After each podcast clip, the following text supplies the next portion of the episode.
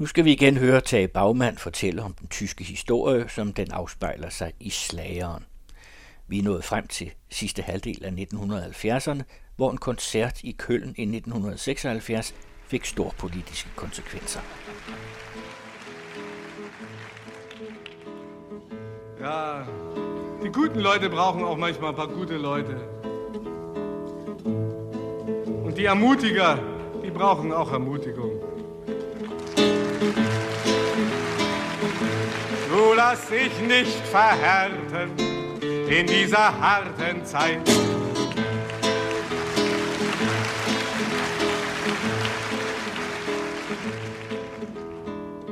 Die allzu hart sind, brechen, die allzu spitz sind, stechen und brechen ab sogleich, und brechen ab sogleich. Det er ikke nogen øh, linjer historie, vi har for i dag, fordi nu er vi så til et år tilbage igen i forhold til det tyske efterår. Det her det er Wolf Firmans allermest berømte sang, Amutikum, fra 1976, og helt præcis i en indspilning fra en koncert i Køln.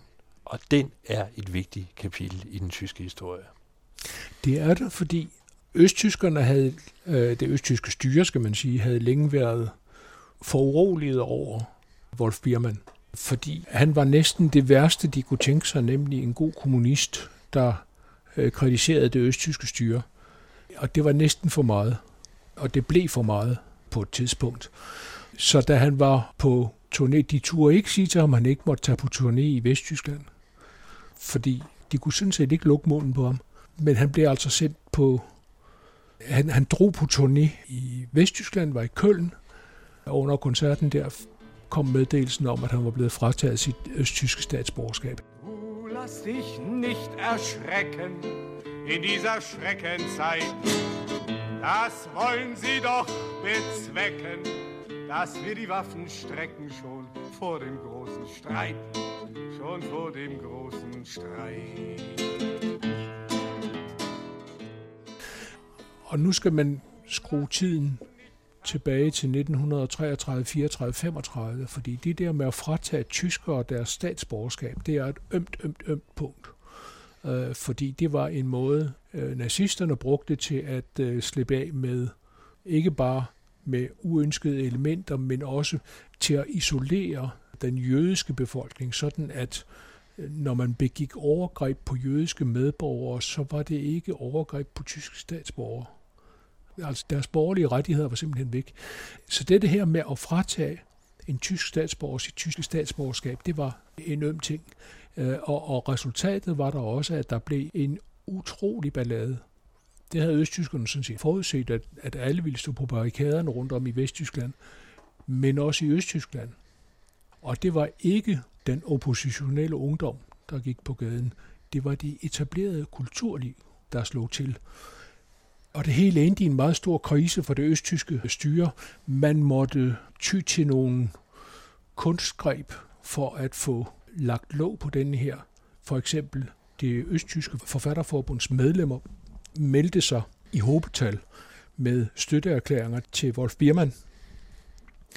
Og det var kun ved at lave nogle, en, en slags skinmanøvre, man fik disciplineret øh, de øh, østtyske forfattere igen. En af de kendteste af dem, det var en forfatter, der hed Hermann Kant, og han spillede nok en ikke særlig berømmelig rolle i den her måde at, at stramme til igen over for de intellektuelle i det der. Øh, men resultatet var jo, at, at mange almindelige mennesker vågnede op og sagde, hov, hvad foregår her? Hvad var det? Biermann, hvis sange vi har lyttet til herover i, i, i DDR, og han er blevet præsenteret som en af de store øh, sangskrivere i DDR, og en af de store fortolkere af det klassiske kommunistiske repertoire. Og der er en indvandrer, ikke? Altså. Ja. Jo, altså det er sådan en anden del, det er jo den, at han havde valgt det der. Han kommer fra Hamburg. Han ligesom kommer fra Schmidt, Hamburg, ikke? ja. Øh, og har gjort meget ud af sin kommunistiske familie i Hamburg.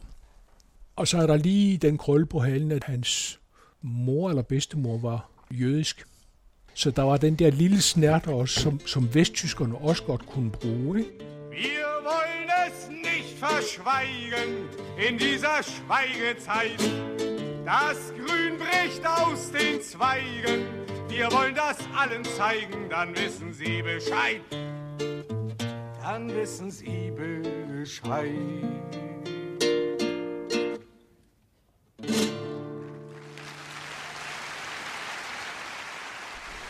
Men i bagklogskabens lys kan man måske se, at det her det var ikke nødvendigvis en overreaktion fra det østtyske styres side, men det var fordi, de var klar over, at nu stod huset simpelthen i lys lue, og mm-hmm. de måtte gøre et eller andet. Fordi tingene flyttede sig i det der i 70'erne også, og lige pludselig så, øh, så måtte man træde på bremsen. Og det blev altså så med fratagelsen af Birmans øh, statsborgerskab, som han var rasende over, og han forsøgte at få det omgjort. Men det var ikke muligt, kan man sige. Så han slog sig ned i Hamburg, og var lige så rasende på det vesttyske samfund som på det østtyske Han samfund. er rasende på, det er han stadigvæk. Ja, ja. Hans datter, Nina Hagen, Steddatter skal der øh, endte jo så i punkmiljøet, som, øh, ja, som havde som motto ned med alting. Eller øh, som de unge tyskere sagde, keine macht niemandem. Eller hvis de strammede det rigtigt til, så havde de et slagord, der hed Mach aus dem Staat Gurkensalat. Gør staten til agurksalat. Så hun meldte sig ligesom helt ud af den der, og endte i en ned med alting, eller lad os være.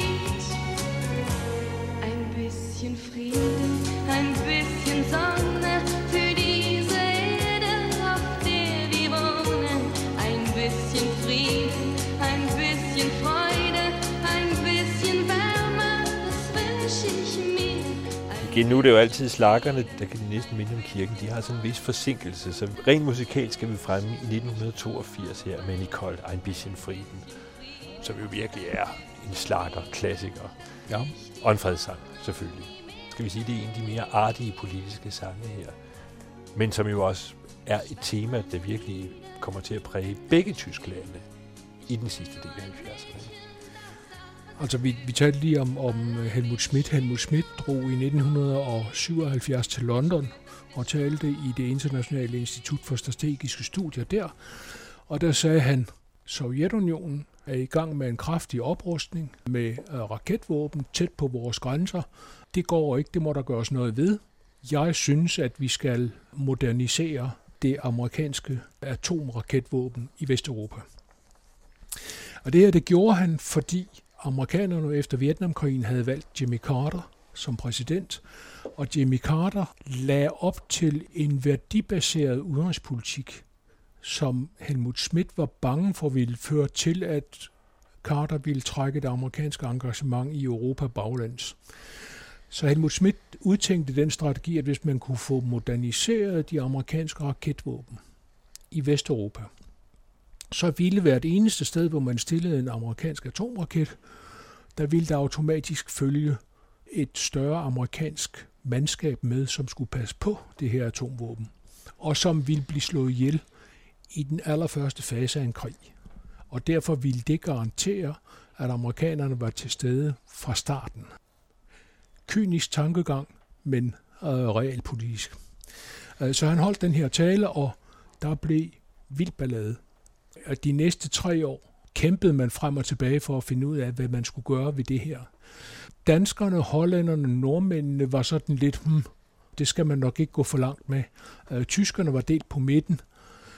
Amerikanerne øh, lod sig efterhånden overtale øh, og det hele det endte som med det, der er blevet kendt som NATO's dobbeltbeslutning i 1979 i december 79. Det, hvad er det dobbelte i dobbeltbeslutning? Det dobbelte i dobbeltbeslutningen var, at man lavede en beslutning, der hed, vi opstiller 572 nye amerikanske atomvåben i Vesteuropa. Det var Pershing 2-raketter, og de blev den første udgave af krydsermissiler. Det gør vi, men vi øh, siger lige til Moskva, at hvis I har lyst til at snakke om det her, så kan vi nå at snakke før disse her amerikanske atomvåben kommer frem, og så behøver vi måske ikke at gøre det, hvis vi får et ordentligt resultat ud af de her diskussioner. Det var dobbeltbeslutningen. En øh, beslutning om at opstille, og en beslutning om at forhandle. Og det var ikke rigtig tilfredsstillende for nogen, men det var altså det, man kunne få flertal for i NATO-krisen, og derfor blev det sådan.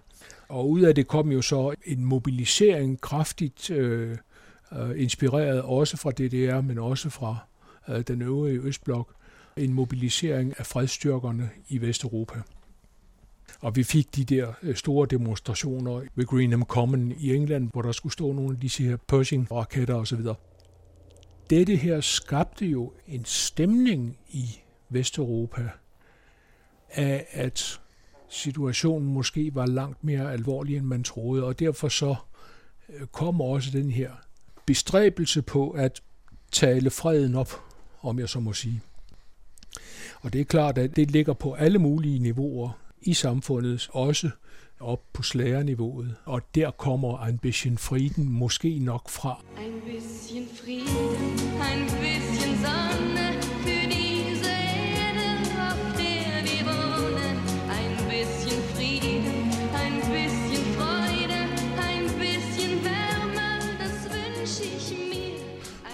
Efter den kolde krig er slut og så videre, så ved vi, fordi det har vi fået at vide, at vi var meget, meget tæt på en atomkrig i efteråret 1983.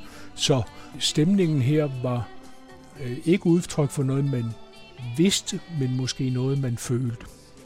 Og i DDR øh, skete der det. Øh, op gennem 70'erne havde man svinget, som jeg sagde, øh, man lukkede lidt op for populærmusikkens, øh, for de rammer, de havde at arbejde i. Da Honecker tiltrådte, så strammede man til omkring vores firmand, så kommer den her diskussion om, om oprustning og fredsbevægelser, og så lukker man i det der lidt op for fredsbevægelsesinitiativer af forskellige art. Man forsøger at styre dem, men, men man lader for eksempel de, de østtyske kirker lave nogle fredsinitiativer og sådan noget. Og at man er nødt til at sige til populærmusikerne også, at ja, okay, det kan I også godt, hvis I holder det inden for bestemte rammer. Men altså, man er nødt til at, at, at lukke lidt op igen, og det er ligesom, om den ånd, man der lukker ud af flasken, har man svært ved at få ind igen. Hvad der jo er erfaring hver gang, de lukker lidt op i det der. Så ud af det her kommer så sådan en, en stemning af, at man er truet, og at man må arbejde for freden. I DDR får man især de kirkelige bevægelser, der taler om, at øh, man skal omsmelte øh, våben til plovskær, øh, for eksempel.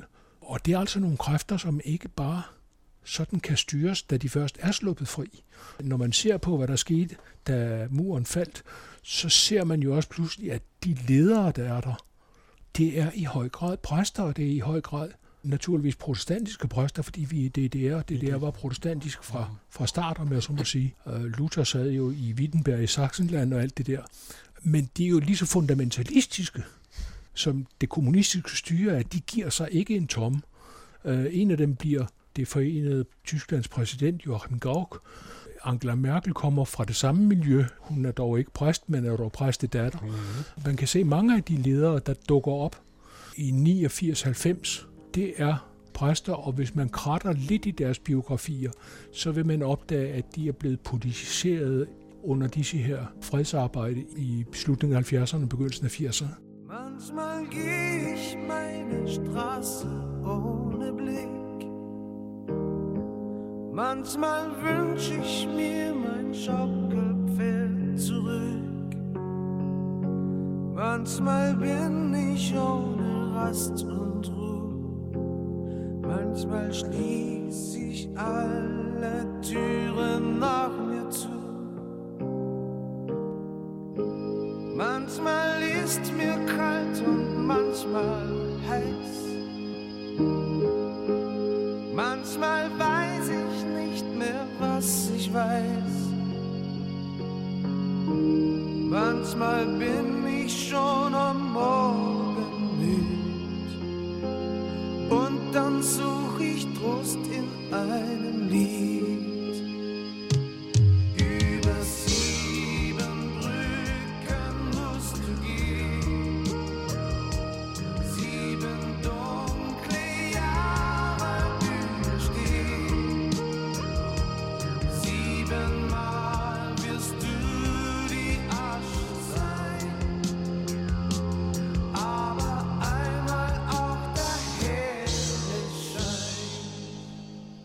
Det her, det er så karat. Det er jo så fra 1978. Det, vi er virkelig rod i, i kronologien i dag, altså, men det er, karat er jo måske nok det mest kendte østtyske band. Über Sieben Brüche Mustogen. Ja, denne her sang er jo født ud af 70'erne, men er i virkeligheden med til at, at definere noget af, af, af stemningen i 80'erne. Nemlig en stemning af, at det her det er et langt sejt træk, og du skal ikke tro, du får noget for æret. Du må krydse syv broer. Du må igennem syv lange år. Om det så er en, en lille henvisning til Bibelens historie øh, om syv år for Jeg ved jeg kan have syv gode, syv dårlige år, ikke? Ja, Og de får næsten ret. Den er på 78, som sagt. denne her sang øh, har en sådan kvalitet, at Karat indspillede den, og den blev en stor succes for dem i DDR. Så blev den indspillet i Vesttyskland af øh, Peter Maffay, som i øvrigt er en af de der mærkelige blandingskunstnere. Han er, han er rumæner i virkeligheden, men Rumæniens tysker har slået sig ned i Bayern i München, og han indspillede den og den blev så stor en succes i Vesttyskland, at vesttyskerne var fuldstændig overbevist om, at det var en vesttysk sang, at det var Peter Maffay, der havde skrevet både tekst og melodi. Og han har dementeret og dementeret og dementeret og dementeret. Nå, så går der knap 8 år, så bliver den indspillet af det østtyske band Pudis, og så bliver det en kæmpe succes for dem. Så kommer genforeningen, øh, og Peter Maffay synes, at nu skal han gøre noget ved det her, så han får fat i Karat øh, og siger, skal vi ikke lave sangen sammen, så vi kan få manet det her i jorden. Så gør de det, og det bliver en stor succes. Og i dag, øh, jeg har lige set en liste, i dag er denne her sang på standardrepertoireet på i hvert fald de første 10-12 af Tysklands virkelig store entertainere. Og for at det ikke skal være løgn, så øh, tog Chris de og indspillede en engelsk version, som blev en succes. Mm-hmm. Øh, så det her, det er virkelig en skæg sang, fordi den ligesom har levet sit eget liv uafhængigt af, hvem har de sunget til succes.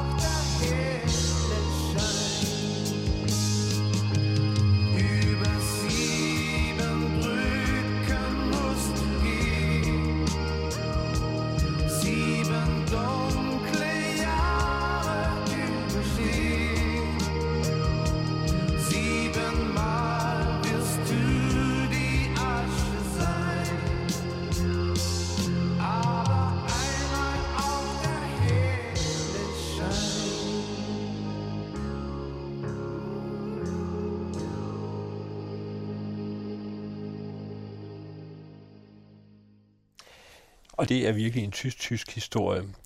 Og vi skal jo også lige have med, at øh, i 81, der finder et af de sjældne tysk-tyske møder sted mellem øh, Honecker og Helmut Schmidt. Og det er igen freden. Ja, det er frygten for, om freden skulle være på spil, eller i spil, der får dem til at mødes, men det er også øh, økonomien, økonomien. Især DDR er ramt hårdt af, af den økonomiske krise og af al den uro, der er sket i det internationale valutasystem. Det eneste faste anker, DDR har, det er samarbejdet i det, der hedder Comecon, altså øh, de østeuropæiske landes øh, samarbejdsorganisation. Det var mere eller mindre jeg havde nær sagt, politisk dikteret, hvordan valutakursen skulle være. Men i resten af verden, der svingede alting, fordi der var ikke noget stabilitetsanker mere. De øh, ordninger, man havde lavet efter 2. verdenskrig, dem der hed Bretton Woods-aftalerne, de var ligesom gået i opløsning, og man forsøgte alt muligt. Det er jo lige på det her tidspunkt, man begynder at tale om måske en europæisk valuta af en eller anden slags, om den nu skal hedde ECU, eller om den skal hedde noget andet. Alt sammen for at stabilisere. Og østtyskerne har jo en indtægtskilde. De kan sige til vesttyskerne, hvis I kommer, så øh, kan vi snakke om, at vi kan løsne lidt her, og så kan I give os nogle penge her. Eller hvis I kommer, så kan I give os lidt penge her, og så kan vi tage 50 af de politiske fanger, der sidder nede i Bautzen, og så kan vi sende dem til Vesttyskland. Så på den måde kunne et topmøde give god mening. Det kunne også give god mening af alle mulige andre grunde. Helmut Schmidt øh, var jo godt klar over, at forholdet til Moskva var kølnet ganske meget efter, at han havde foreslået raketopstillingerne. Så han havde også brug for nogle kanaler, som han kunne sende beskeder igennem til Moskva, hvis tingene begyndte at brænde sammen. Så, så det gav god mening, men man skal ikke glemme, at Willy Brandt øh, havde jo besøgt Willy Stoff, sin modpart i DDR, øh, og holdt den berømte tale i Erfurt, hvor befolkningen demonstrerede på snedigste vis, stillede de sig op, og så råbte de, Willy, Willy. Og Stasi kunne ikke afgøre, om de mente Willy Stoff, eller om de mente Willy Brandt. Og det var helt klart, det var helt tydeligt, hvem de mente. Det kunne man ikke gøre med Helmut Schmidt. Men han kom altså også, fordi man jo havde ganske vist havde man sagt, at vi vil ikke lave nogen traktat med DDR, fordi så kommer vi til at anerkende deres øh, øh, eksistens folkeretligt. Men man havde jo været nødt til at lave aftaler. Da man byggede muren, der brød alle aftaler jo mellem Øst- og Vesttyskland. I Berlin var situationen anden, fordi man var nødt til at arrangere sig rent praktisk. For eksempel undergrundsbanen i, i Berlin kører jo ind under Vestberlin for at komme til stationen, mellem to stationer i, i Østberlin, nogle steder, øh, og andre steder så kører den under østtysk område for at komme til to stationer i Vestberlin. Så det var en ting, og den anden langt mere alvorlige ting, det var, at alt Berlins affald blev øh, håndteret i DDR. Det blev sendt med skibe og på Spree og de andre øh, vandløb, kanaler osv. fra Vestberlin over til Østberlin, og så blev det håndteret der, og man betalte sig for det. Så man var nødt til at have sådan nogle praktiske ting. De berlinske kulturskatte blev forvaltet i en slags samarbejde også. Så så langt var man, men efter byggeriet af muren, så måtte vesttyskerne arbejde hårdt på at få først nogle aftaler om, hvordan man kunne rejse ind og ud, eller rejse i transit mellem øh, Vesttyskland og Vestberlin. Og så måtte man forsøge efterhånden at få alle de andre praktiske ting på plads, også gennem nogle aftaler, og det blev så til det, der hedder grundaftalen mellem DDR og, og Vesttyskland. Og op gennem 80'erne lavede man nogle andre aftaler også, så man var nødt til en gang imellem at sætte sig sammen og, og sige, hvordan ser det ud med, med alt det her, og kan vi komme et stykke videre på en eller anden måde. Og 81 skal man også huske er et år, hvor styret i DDR er en smule, for nu at sige det mildt, en smule for uroliget over, hvad der sker på deres anden side, fordi det er lige der, polakkerne er i gang med deres tøbrud omkring Soldajnos og skibsværftet i Gdansk, og lidt længere sydpå, der er ungarerne i gang med nogle nye tanker om, hvordan man kunne lave et nyt økonomisk system osv. Så styret i DDR, som i sit væsen i virkeligheden stadigvæk er stalinistisk i hvert fald, sådan i sin tankegang, er dybt for urolig over, hvad der sker, og hvordan man er ved at omfortolke øh, socialismen og kommunismen. De har også brug for øh, fred på deres bagsmæk, om jeg så må sige, så de har også brug for at mødes med Helmut Schmidt, også igen for at tjekke nogle penge. Fordi styret i DDR kunne ikke forsyne sin befolkning med de varer, som befolkningen ville have. De kunne sagtens forsyne dem. Altså, der var ikke sådan, at man gik og sultede i det der. Det man, man kunne sagtens få noget at spise. Det var ikke noget problem. Man kunne også få tøj på kroppen. Men man kunne ikke få det, man ville have. Man kunne ikke få en ordentlig kaffe. Øh, det var et af de store problemer. Der har været krisemøder i SED's, altså de østtyske kommunistpartis centralkomité, har der været krisemøder om kaffeleverancer, for eksempel. Og man kunne ikke skaffe de her ting, fordi man havde ikke valuta, der duede på det vestlige marked. Øh, og derfor så, øh, hvis man kunne få hentet nogle kreditter eller nogle tilskud, eller øh, hvad man nu kaldte det fra Vesttyskland, så ville det være fint. Og hvor vigtigt det her det er, det kommer vi så til måske at snakke om næste gang. Fordi øh, da først vi har fået øh, regimeskiftet, eller det politiske skifte i, i Vesttyskland, og, og de konservative sidder ved magten, og den værste af dem, øh, jeg havde nær sagt den mest øh, ildsprudende af dem, Franz Josef Strauss, er ministerpræsident i Bayern, der tager både Kohl og Helmut Strauss imod udsending fra den østtyske regering. Og det gør de, fordi de tror også, at de kan købe nogle lettelser for befolkningerne ved at uh, tilbyde nogle penge, og, og østtyskerne kommer, fordi de gerne vil have nogle penge.